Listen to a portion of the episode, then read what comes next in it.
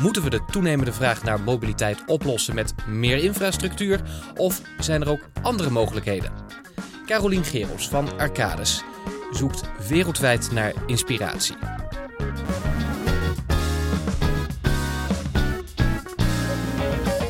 De stad van de toekomst, hoe ziet die eruit?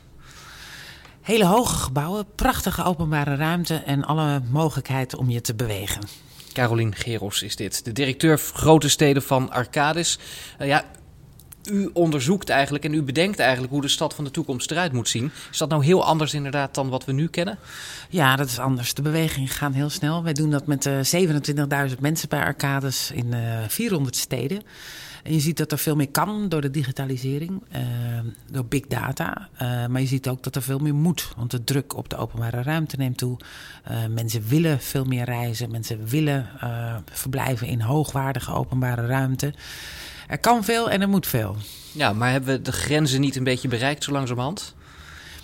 Ik denk het niet. Ik denk dat we nog veel meer kunnen als we efficiënter omgaan met uh, wat we hebben. Aan uh, ruimte, maar ook aan uh, vervoersmodaliteiten. Als we gaan verdichten met kwaliteit in binnensteden. En als we big data en, en nieuwe oplossingen gaan gebruiken. Ja, laten we even kijken naar de oplossingen die we in de landen uh, in de rest van de wereld zien. Wat is nou een, een mooi voorbeeld van een, een wereldstad wat we mooi zouden kunnen overnemen hier in Nederland? Ik heb net een voorbeeld laten zien van New York, waar we door analyse van de afvalophaalsystemen uh, het verkeer met 70% per dag hebben teruggebracht. Door uh, waste collection zones te maken. Dus elke buurt heeft een eigen concessie, waarbinnen bepaalde partijen uh, de aanbesteding hebben gewoon om het afval te mogen ophalen. En dat scheelt heel veel uh, vervoersbewegingen. En waarom scheelt dat zoveel vervoersbewegingen? Omdat niet iedereen uh, door dezelfde straat rijdt, maar allemaal net een paar andere klanten heeft. He, dus je deelt eigenlijk uh, de stad op in gebieden. En binnen die gebieden zeg je uh, dat er twee of drie partijen afval mogen ophalen. En niet in dit geval van New York 90. Oké, okay, dat, dat, dat, dat scheelt natuurlijk hè? al behoorlijk inderdaad. En dat kun je ook met pakketten doen, dat kun je met bouwstromen doen. Er is heel veel verkeer op de weg wat niet echt nodig is. Of wat je slimmer zou kunnen organiseren met bijvoorbeeld die big data. Ja, daar zit het hem dus in. Inderdaad kijken van hoe kan je nou die verkeersstromen beperken door slimmer te gaan plannen. Precies.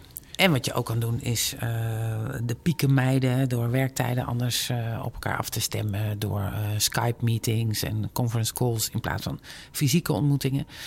Maar goed, ik merk aan mijn eigen werk dat als je dat gaat doen, dan uh, komt er ook weer extra druk. Want dan heb je weer meer tijd om dingen te doen. En de dag vult zich dan weer heel snel, heb ja. ik gemerkt. Maar als ik de oplossingen hoor die u nu aandraagt, dat zijn eigenlijk dingen waarvoor er niks bijgebouwd hoeft te worden. Er hoeven geen nieuwe voertuigen voor te worden aangeschaft. Het kan eigenlijk met de middelen die we hebben.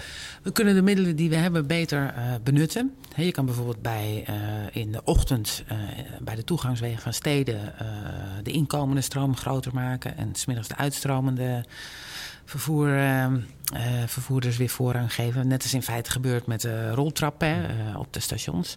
Dus we kunnen slimmer zijn. Maar we gaan ook met meer mensen in de steden wonen. Dus ik denk ook wel dat je bijvoorbeeld de metrolijn nog uit moet breiden. In Amsterdam zou ik pleiten voor een Oost-West-lijn. voor iets over het ei. de ponten over het ei kunnen het bijna niet meer aan.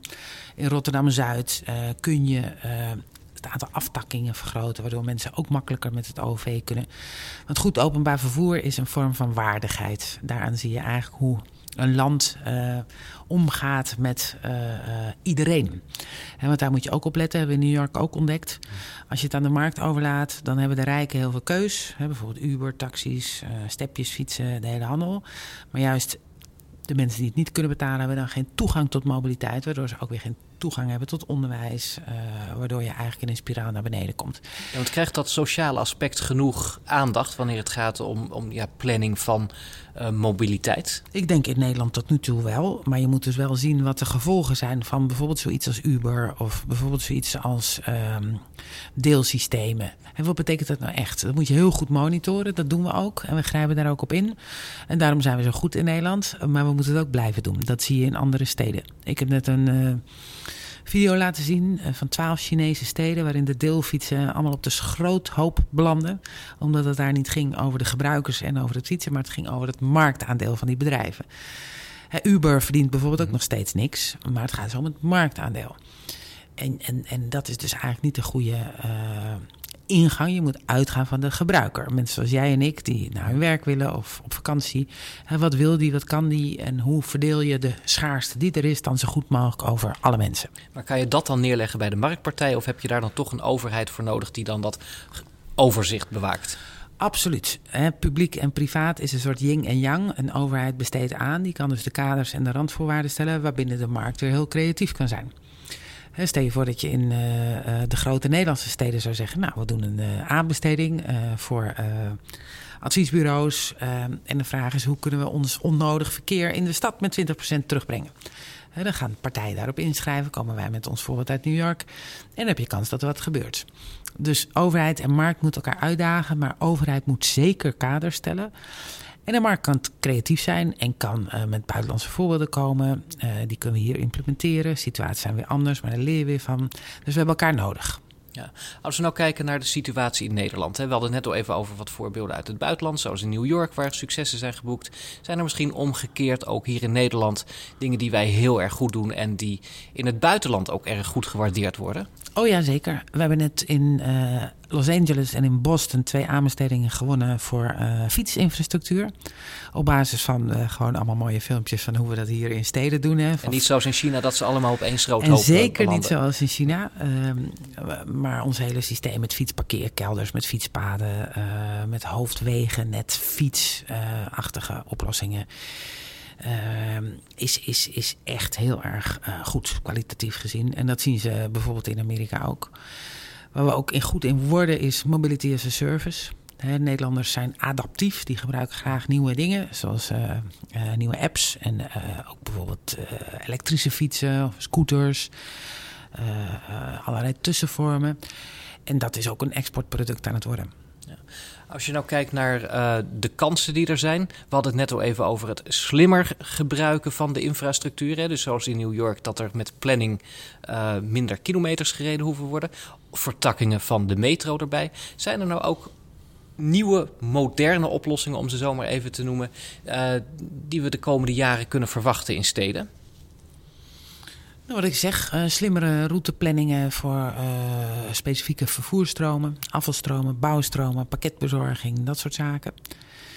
Uh, meer light rail. Ik denk dat dat toch moet, ook in de iets kleinere steden. oeververbindingen, en misschien wel kabelbanen. die hebben ze in New York, in Göteborg, in Londen, in Koblenz. Waarom zouden we het niet doen hier over de Maas, de Maasbaan? En over het ei, de eibaan. Want als je aan een kabelbaan denkt, dan denk je aan het bakkie eh, waar je vroeger mee op vakantie ja, dat klopt. met z'n tienen eh, in en dan uh, schiet ook niet op. Maar het zijn tegenwoordig uh, city movers, people movers. Dus je rijdt zo, hup, je fiets erin. Je gaat er rechtstandig omhoog als in een soort lift. Dan ga je rechtstandig eroverheen. Kan ook nog overdekt, hè, waardoor het niet glad wordt. Zonnepanelen erop, hè, waardoor je ook nog uh, energie kunt opwekken. En dat kunnen hele mooie lichte constructies zijn. Ja, maar als ik dan kijk naar bijvoorbeeld uh, nou ja, tien jaar geleden... was er ook zo'n plan in Utrecht, geloof ik... om dan naar de jaarbeurs iedereen zo toe te brengen.